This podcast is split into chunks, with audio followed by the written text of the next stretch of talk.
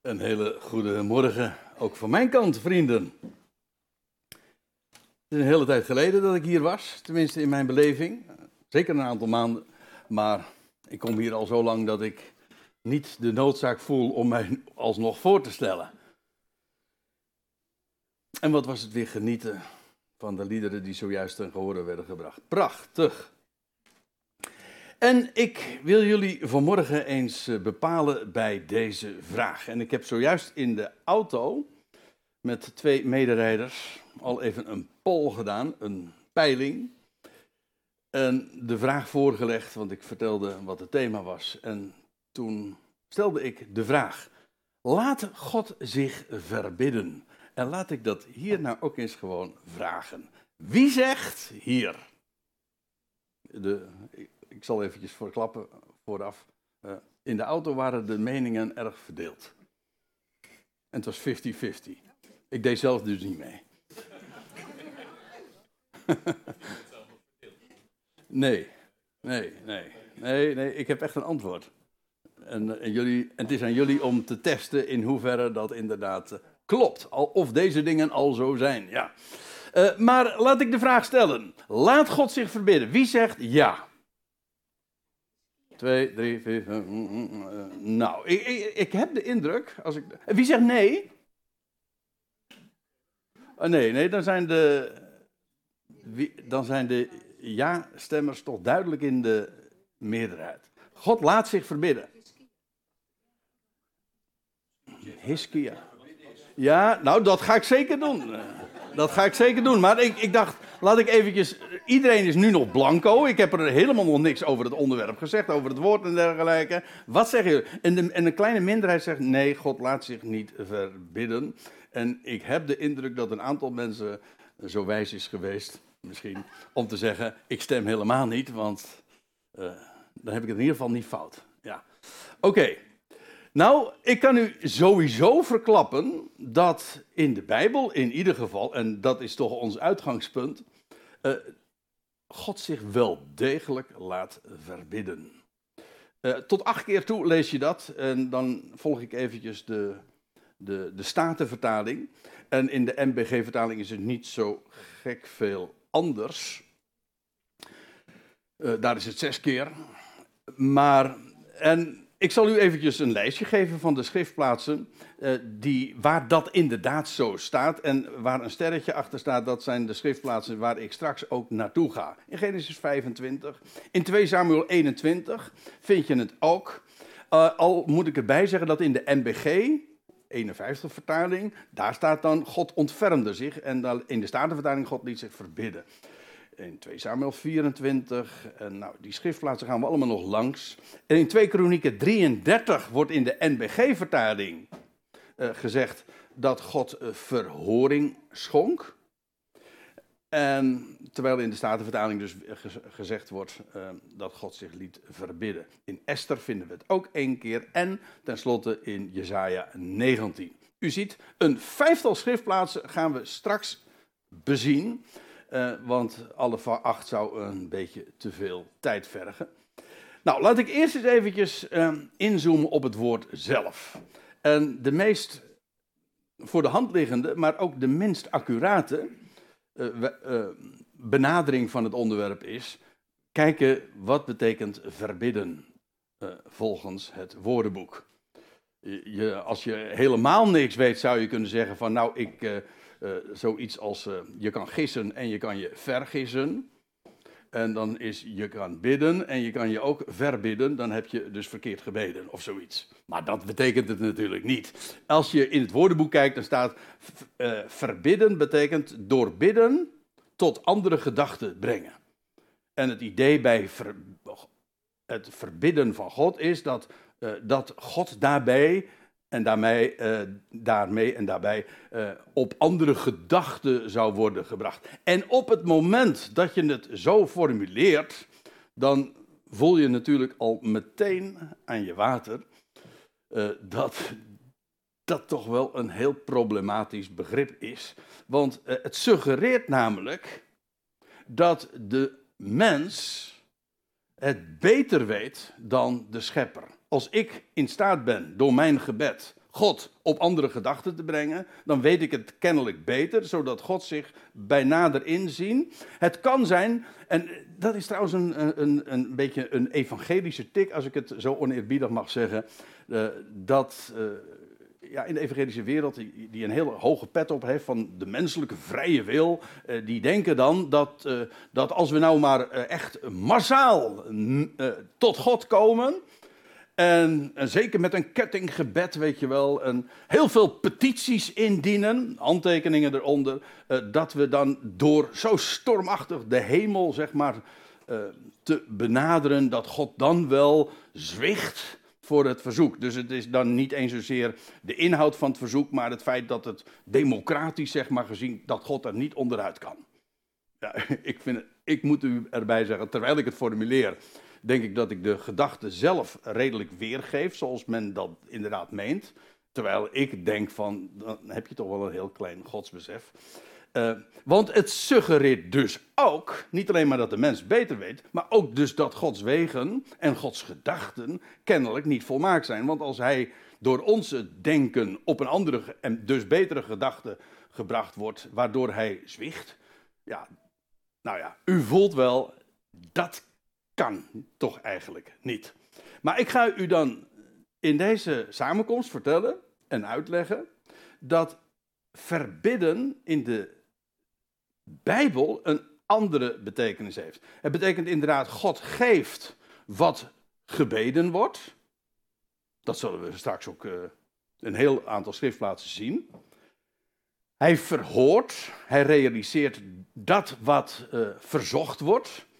Uh, maar, en dat is het hele punt, wij denken dan bij verbidden dat dat is omdat God zwicht voor dat wat wij hem verzoeken. En dan is het dus dankzij ons gebed. Ik ga het u nog sterker vertellen, het is zelfs ondanks het gebed dat God zich laat verbidden. Kijk, het feit dat uh, iemand jarenlang voor iets bidt. En uiteindelijk krijgt God, uh, krijg je dat van God dan, dan zeg je, hé, hey, uh, het gebed heeft geholpen uh, en God heeft zich laten verbidden.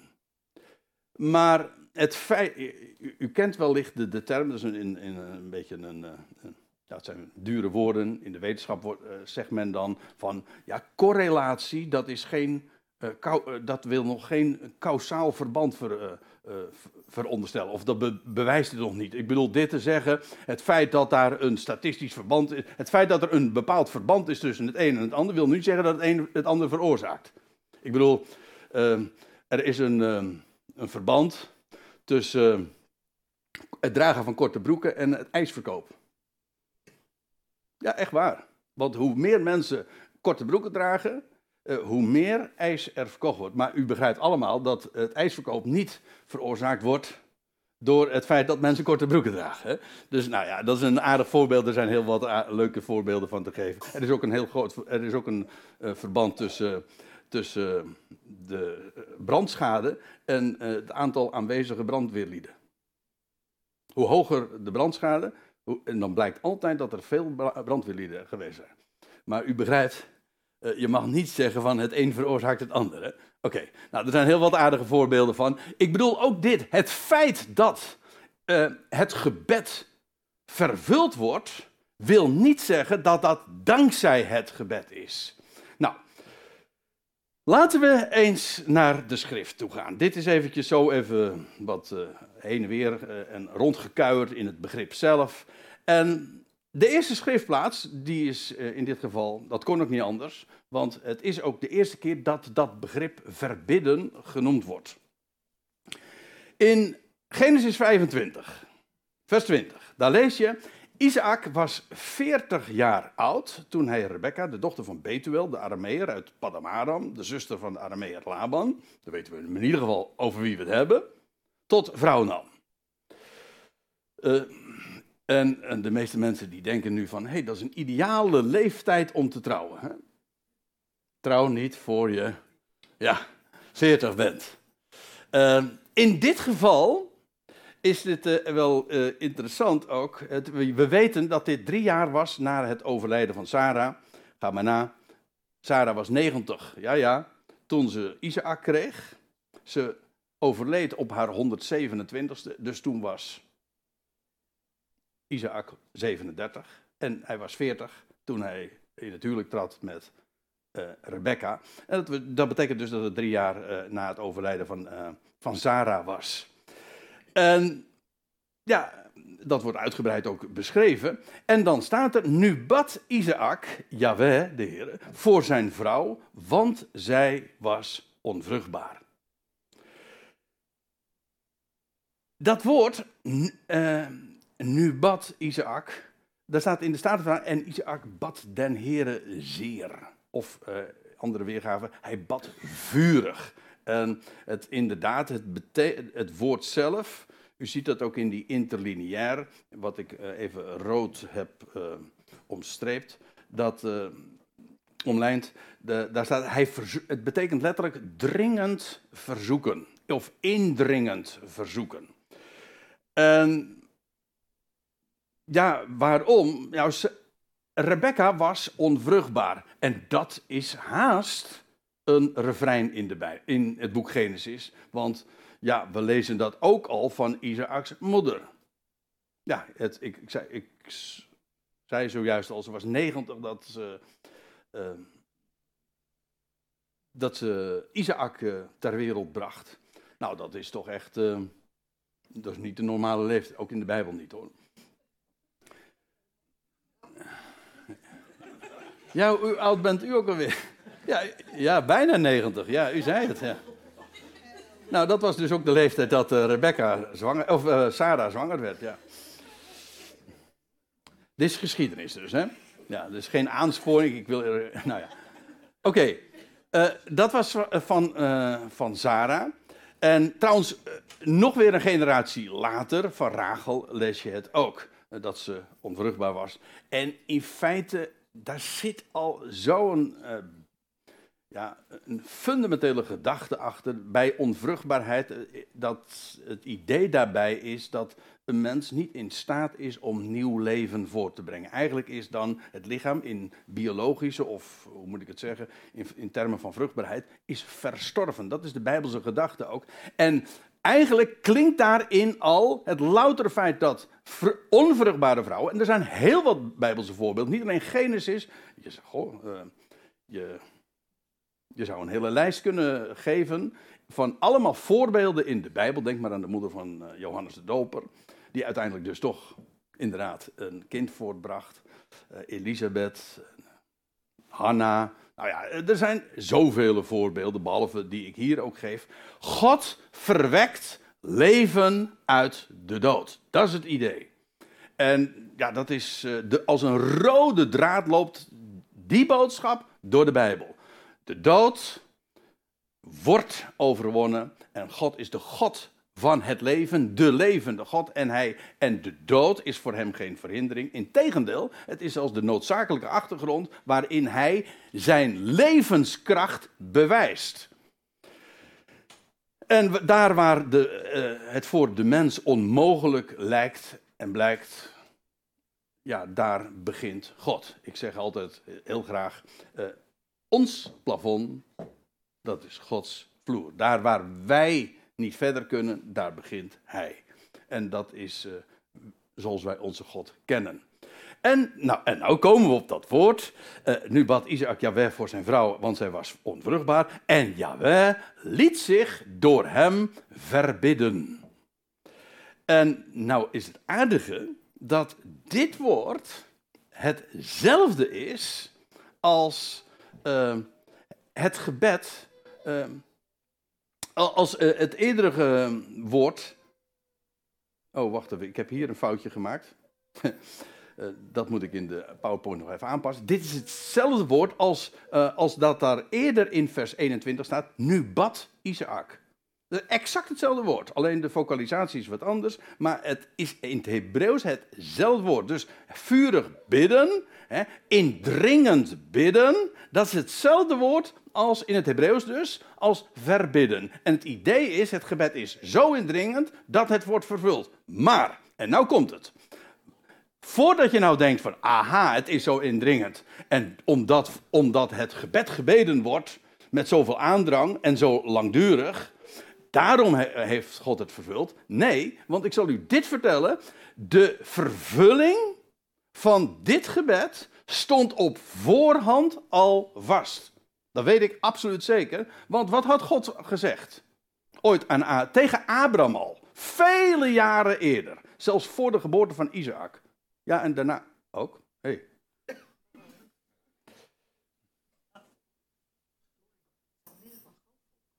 Sorry? Jij zou een heel groot volk worden. Nou, het is wel handig als ik ook nog even het plaatje heb. Maar het, uh, ja, het komt zo weer. Uh, de, een, zwarte, een zwarte achtergrond kan heel nodig, noodzakelijk zijn, handig zijn om uh, het licht te laten overwinnen. Ja, oké. Okay. Uh, liet zich verbidden. Uh, ja, de vervulling stond inderdaad op voorhand al vast. Want in Genesis 21 lees je al, vers 12, door Isaac. Abraham dacht aanvankelijk nog, of in ieder geval de suggestie was gewekt, dat het via Ismaël zou verlopen. Nee, zegt God, door Isaac zal men van uw zaad, van uw nageslacht spreken. Dus Isaac wist al, eh, God had zijn belofte gegeven, door uw, in uw zaad zullen alle geslachten van de aardbodem gezegend worden. Isaac was de erfgenaam. Dat betekent dus dat Isaac, hoe dan ook, vader zou worden. Sterker nog, via dat nageslacht zou, zou alle geslachten van de aardbodem gezegend worden. Zijn, zijn zaad en zijn nageslacht zou talrijk zijn. Dus Isaac wist, ik word vader. Het, dat hij God bidt is niet omdat hij aan het zeuren is, omdat hij graag zag dat het anders zou zijn uh, uh, dan, dan wat uh, Rebecca wellicht ook gehoopt had. zo wordt het heel vaak opgevat. Dat verbidden, als je nou maar je, je verlangt iets, en ik bedoel, op zich is daar niks mis mee. Er staat in de Bijbel ook, we mogen God met alles benaderen. Met al onze wensen en onze smekingen. Daar staat ook, en, uh, laat bij alles door gebed en smeking met dankzegging uh, uw, wens, hoe staat het nou? Uw wensen bij God bekend worden. Dus ongeacht welke wens ook, je kunt het bij God bekend maken. Maar het idee is dat hier Isaac, die, die bracht niet slechts zijn wens, hij pleitte op Gods belofte. Hij deed een beroep op wat God zelf had aangekondigd. Dus Isaac wist dat wat ik bid, dat is naar Gods wil. Want hij heeft het zelf beloofd. Dus het was niet alleen, het was maar niet zomaar zijn wens. Nee, het was Gods belofte. En dan begrijp je ook dat God zich laat verbidden. Dit was het, het feit dat Rebecca inderdaad zwanger werd. Dat was overeenkomstig het gebed, het aanhoudende gebed van Isaac. Dat klopt. Maar denk nou niet, omdat Isaac zo vurig bad en zo aanhoudend bad, dat God Isaac en Rebecca daardoor tot vader en moeder maakte. Dat is niet zo, want het stond op voorhand al vast. En dat is toch een heel uh, belangrijk uh, ding om je te realiseren. Er staat dan, en Jawel liet zich door hem verbidden en zijn vrouw uh, Rebecca werd zwanger. En dat was trouwens twintig jaar later hoor. Vergis u niet, Isaac was inmiddels 60 jaar oud. Hoe ziet dat eruit? Nou, dan kijk maar naar die man die u hier voor zich. Oh nee, die is alweer een jaar ouder zelfs. Ja. Ja, Isaac was dus, dat was twintig jaar later. De vervulling van de belofte liet twintig jaar op zich wachten. Dus je zou natuurlijk ook kunnen zeggen, God, uh, uh, ondanks het gebed van, ondanks het gebed van Isaac, heeft God uh, Isaac tot vader gemaakt en Rebecca tot moeder. Dan kun je ook zeggen, en heeft hij nog twintig jaren gewacht. Dat is heel erg boeiend als je eh, dat eventjes uittekent. Want uh, nou, op zijn veertigste trouwt Isaac dus en twintig jaar later wordt hij vader. Daar zit twintig jaar tussen. Dat, ik, kan niet nalaten om eventjes dat toch uh, eruit te lichten. Want uh, dat zijn van die structuren, van die fenomenen die je dan ook uh, weer elders terugvindt. Want een generatie later krijg je Jacob, en ik noemde zijn naam al eventjes, die naar het buitenland gaat en dan bij zijn oom Laban uh, bivakkeert. En hoe lang was dat? Inderdaad, 20 jaar. Jacob, uh, denk even goed na, of uh, luister wat ik zeg. Jacob, de drager van de belofte, een generatie later dus, want hij was, Jacob was een zoon van, van Isaac. Jacob gaat naar het buitenland. En uiteindelijk, na twintig jaren, keert hij weer terug in het land. Maar dat is een prachtig plaatje van het volk Israël, van het volk van Jacob. Ja, trouwens, als Jacob weer terugkeert, dan wordt zijn naam Israël. Als die dan door de Jabbok gaat, dat is ook al een omkering, door de riviertje de Jabbok, dan wordt Jacob bekeerd, omgekeerd, en dan wordt hij Israël. Na twintig jaar komt hij weer terug in het land, en dan is hij niet langer Jacob, maar dan is hij Israël. Na twintig jaren. Ja, ik kan het niet nalaten, maar de Bijbel spreekt ook over twee dagen. En ook over twee millennia. In dit geval zijn het twee decennia. Twin, na 2000 jaren komt Jacob, na al die tijd dat ze verstrooid zijn onder de natie, komen ze weer terug in het land, maar dan bekeerd. En, dat vind je hier ook. Uh, na de Jacob, of Isaac is 40 en op zijn zestigste wordt hij vader. En die 20 jaren ja, is, uh, moet hij wachten op de vervulling van de belofte. De zoon van de belofte, ja, hij zou komen, maar het duurt nog 2000 jaar voordat de belofte vervuld wordt. Daadwerkelijk gerealiseerd wordt en dat hij koning zal worden en de Mashiach. Al die tijd wacht God op de vervulling van de belofte. En, ja, en Isaac wist, het gaat gebeuren. Het gaat gebeuren. Alleen op Gods tijd. En de termijn in feite stond ook al vast, want dat is namelijk ook weer zo betekenisvol. En dan krijg je inderdaad, dan is hij 60 en dan breekt het zevende decennium voor Jacob aan. Uh, pardon, voor Isaac aan. En dat klopt dan ook weer.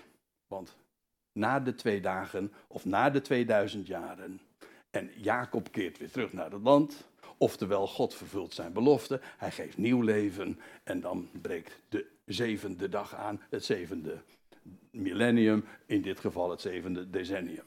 Bent u er allemaal nog? Ja, ik geef toe, dit zijn eventjes eh, vingeroefeningen in typologie. En allerlei lijnen lopen nu door elkaar. Maar ik hoop dat u de structuren ziet. Dit is, dit zijn geweldige geschiedenissen. mensen zeggen verhalen, allemaal Dit zijn geschiedenissen, maar dit is profeet. De lijnen die onder de oppervlakte liggen, zijn profetisch. Dit bedenkt geen mens. Dit is goddelijk. Oké, nou, dit is het eerste voorbeeld van verbidden. Isaac verbad, zeg je dat goed? God? Ja. Ver, verbeden. Eh, het staat trouwens in uh, verbidden, het staat niet eens in de officiële lijst van Nederlandse woorden. Bij in Vandalen vind je het uh, niet eens in. maar goed, wij kennen het woord dus inmiddels. Maar het betekent dus, God, Isaac pleitte op het, de belofte van God. En dus wordt het vervuld. Want God had het beloofd. Oké, de tweede, het, tweede voorbeeld. Ik ga er niet op al die voorbeelden uitgebreid in, maar ik wil toch even mijn punt maken. En dan lees je, uh, ja, er was een hele plaag uh, over Israël gekomen. Dat had te maken met de volkstelling die David had gepleegd. Dat was helemaal uh, tegen de wil van God. En dan lees je op een gegeven ogenblik, hij had namelijk een dorsvloer gekocht van ene Arauna. U vraagt zich af, waar is dat? Nou, dat is waar nu dus het tempelplein is in Jeruzalem. Dat in feite de tempel, ik heb ooit eens een keertje gesproken hier, nou niet hier, maar jaren geleden over de dorsvloer van Gideon, over de dorsvloer eh, waar Rut Boas ontmoette. Maar de dorsvloer is in feite de tempel. Het is een beeld van Jeruzalem. En daar bouwde David een altaar. Kijk het maar na in het verband. En hij bracht brandoffers en vredeoffers. En toen liet Jahweh zich verbidden voor het land. En de plaag werd van Israël weggenomen. En hier zie je ook, eh, daar was een conditie. Er moest iets gebeuren. Daar op de ene plaats die God zich verkoren heeft, daar zou het offer gebracht worden. En dan, op basis daarvan, gaat hij het land zegenen. Was dat omdat David bad? Ja, dat kun je zeggen. Maar David, je moet eigenlijk anders zeggen. Het was omdat David bad naar Gods wil. En ook deed wat Gods wil, wilde, namelijk dat daar op die plaats, waar de tempel eh, eh, een generatie later trouwens gebouwd zou worden in de dagen van Salomo, daar zou het offer worden gebracht. Trouwens, het grote offer waar wij het over hebben, waar is dat ooit gebracht? Precies daar in Jeruzalem. Daar is het grote offer gebracht, is hij geslacht en daar stond hij op uit de doden.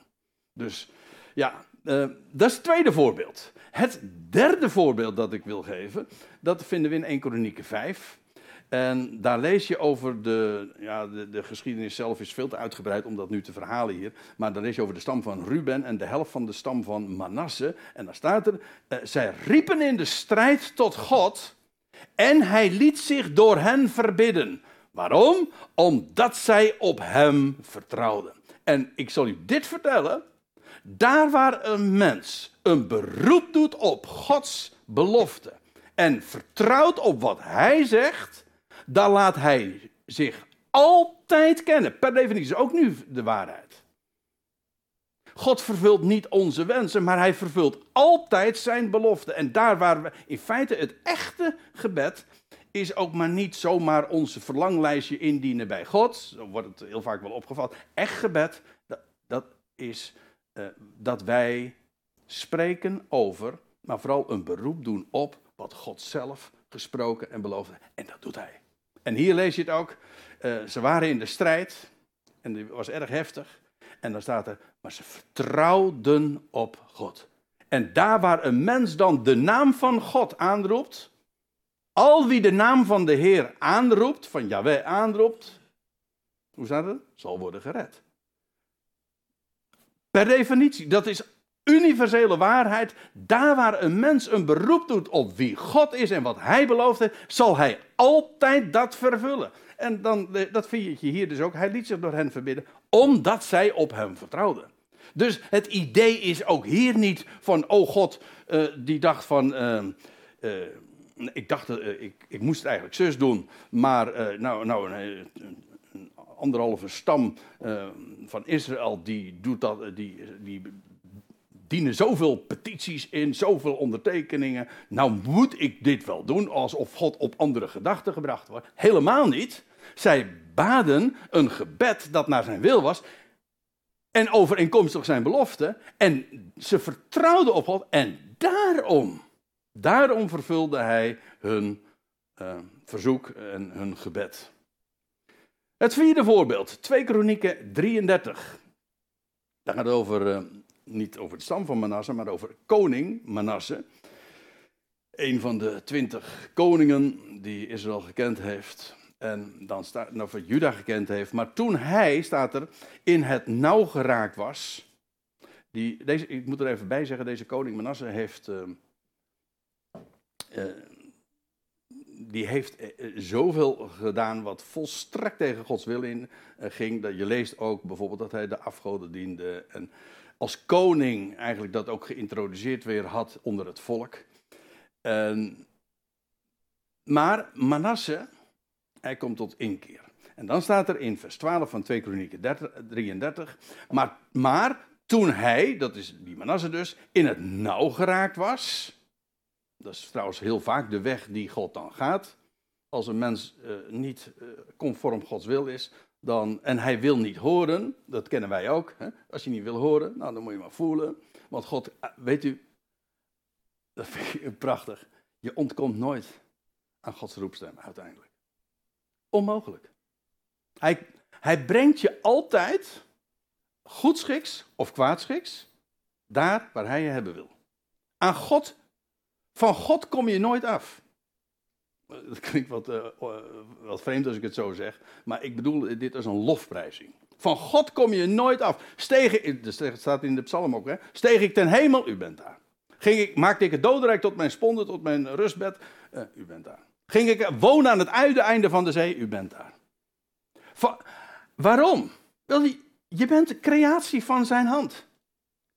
En dat laat hij, hij laat het soms wel los, maar hij laat nooit varen de werken van zijn handen. En dat bent u, dat ben ik, dat zijn al die miljarden mensen.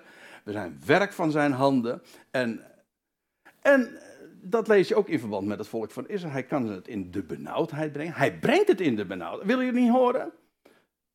Ik ga je toch krijgen waar, waar ik je hebben wil. En dat is hier met koning Manas ook. Hij was, werd in het uh, nauw geraakt en hij zocht de gunst van Jahweh, zijn God. Hij verootmoedigde zich diep. Dat wil zeggen, hij maakt zich heel klein. Eigenlijk verootmoedigen is een leuk woord in het Nederlands. Want dat betekent eigenlijk de moed om een ootje te zijn. Een ootje, dat is een nul. Hè? Dan ben je gewoon, dan ben je echt heel klein geworden hoor. Als je een nul bent. Als je God de eerste plaats geeft, dan zeg ik altijd, dat is uitmuntend. Dan krijg je een 1 en een 0. Oké. Dat grapje gaat in het Nederlands op. Maar in ieder geval, hij, uh, hij verootmoedigde zich diep voor het aangezicht van de God zijn vader en bad tot hem. En toen liet hij, jawel, zich door hem verbidden. Hoorde zijn smeking, bracht hem naar Jeruzalem terug en herstelde hem in zijn koninkrijk. En Manasse erkende dat Jaweh God is. En zo, via via, in dit geval kwaadschiks, kreeg God Manasse daar waar hij hem hebben wilde. Hoe? Wel, op Gods, op Gods tijd, maar ook op Gods condities, op Gods voorwaarden. Hij zegent degene die luistert naar hem. Het vijfde voorbeeld, de laatste, Jezaja 19. Ik vind hem ook heel vrij. Het is trouwens ook uh, in dit geval de laatste keer dat we het in de Bijbel uh, dit uh, woord, dit werkwoord, dan aantreffen. Dat is een profetie. In, zelfs in onze dagen gaat dit, moet dit nog vervuld worden. En dat dat zo is, nou, dat kan ik u heel duidelijk aantonen hoor. En dat zal u vanzelf ook wel duidelijk worden. Laten we het lezen. Zo zal Yahweh, staat er dan, Egypte geducht slaan. En hoe hij dat doet, nou, dat lees je in het voorgaande trouwens, ook bij andere profeten, hoe God het volk van Egypte nog zal treffen. Hij zal Egypte geducht slaan, maar staat erbij, en genezen. En er wordt gezegd, en zij, Egypte, de Egyptenaren, zij zullen zich tot Yahweh bekeren. Ja, dat wordt gezegd van Egypte. Zij zullen zich tot Yahweh bekeren en hij zal zich door hen laten verbidden en hen genezen. Dit vind ik een leuke woord. Echt nee. Dus duizenden jaren voordat Egypte bidt, zegt God al: als ze dat gaan doen, dan laat ik mij verbidden. Dus als er één voorbeeld is waar, waaruit blijkt dat verbidden niet betekent God op andere gedachten brengen, dan is het dit wel, want dit wordt namelijk al duizenden jaren tevoren voorzegd: ik laat mij door Egypte verbidden en hij zal hen genezen. God wordt niet op andere gedachten gebracht. Hij zegt, het, is, het verhaal is, Egypte zal zich tot Yahweh bekeren. En dan, inderdaad, gaat hij hen genezen. En dan, inderdaad, gaat hij hun gebed vervullen. Te dien dagen, laat ik, laat ik de rest dan ook nog even lezen. Want die vind ik te mooi om u te onthouden. Want, uh, ja, goh, we worden dag en dagelijks getrakteerd op de wereldpolitiek en over allerlei geopolitieke kwesties. En de ogen zijn nu gericht op de Oekraïne. En het duurt niet zo lang meer dat de ogen weer volop naar het Midden-Oosten gaan. Maar ik wil u graag verklappen, op basis van wat de schrift zegt, hoe dat daar gaat aflopen. Let op te dien dagen. Dus als Egypte zich gaat bekeren. Dat, is dus, ik, dat bedoelde ik zojuist met hoe evident het is dat dit eh, in onze dagen nog niet het geval is. Want Egypte heeft nu nog niks met Yahweh. Ze, Egypte is nu een islamitisch land, nietwaar? Nou ja, niet voluit, maar voor, voor het grootste gedeelte. Maar er komt een ander moment. Er gaat een moment komen als zij geducht geslagen worden door de Heer, dat zij inderdaad tot God zullen bidden. En te dien dagen zal er een heerbaan wezen. Dat betekent gewoon een hoofdweg. Een ja, dat is het woord. En die weg die ligt er eigenlijk al. Maar die gaat dan ook verlengd worden. U kent de King's Highway. Een aantal van u, denk ik, hebben die ooit wel eens. Ik heb mezelf nooit. Uh, af, uh, ik, ik heb zelf uh, nooit die, ben die weg gegaan. De King's Highway. In de Bijbel vind je hem ook al. Want dat is een weg, een route die al millennia oud is. Je leest in nummer 20 al, en op twee andere plaatsen geloof ik ook nog, er wordt het genoemd de Koninklijke Weg. En dat is, de, kijk, om even een idee te hebben, je hebt dus, dit is een kaartje van het Midden-Oosten, dat is duidelijk. Uh, dan heb je Egypte, met daar het land van de Nijl. En dan heb je Assur, wat voor een deel hetzelfde is als Syrië, maar niet helemaal hetzelfde, maar dat is daarbij de Uifraat, Tigris, en dan heb je ook de King's Highway, dat is dus daarbij de Dode Zee. Dat loopt daar. Eh, als je eh, een bezoek brengt aan Petra, heb ik nooit gedaan, want ik, ik woonde altijd bij haar. Daar ga ik geen geld voor betalen natuurlijk. Wat zei u? Zijn lot, ja. Oh, zijn rots. Oh, sorry, ja. Oh. Ja, ook. Zeker. Uh, de King's Highway, ja, die, uh, dat is die weg uh, die loopt inderdaad bij Petra, en bij Bosra, en dan gaat hij, nou ja, u ziet hier al die, die, die plaatsen, die gaat uiteindelijk naar Damascus. Maar die weg, die route, die zal, dat wordt straks echt een, een, een geweldige, hoe noem je dat, een A, nou ja, nog wat. In ieder geval een dat zal wel een snelweg zijn, die loopt van Egypte, dus de King's Highway, dus eigenlijk maar een, een klein deel daarvan, maar die loopt van Egypte naar Assur. Hoe, weet ik niet precies, maar zo, sta, zo wordt het er vermeld. Te dien dagen zal er een heerbaan wezen van Egypte naar Assur. En Assur zal in Egypte komen. Trouwens, dat waren voorheen trouwens, en in de nabije toekomst opnieuw weer, zeer vijandige landen. Je hebt de koning, Daniel 11, de koning van het noorden, die, in die optrekt tegen de koning van het zuiden. Dat is echt Assur en, en Egypte. Oké.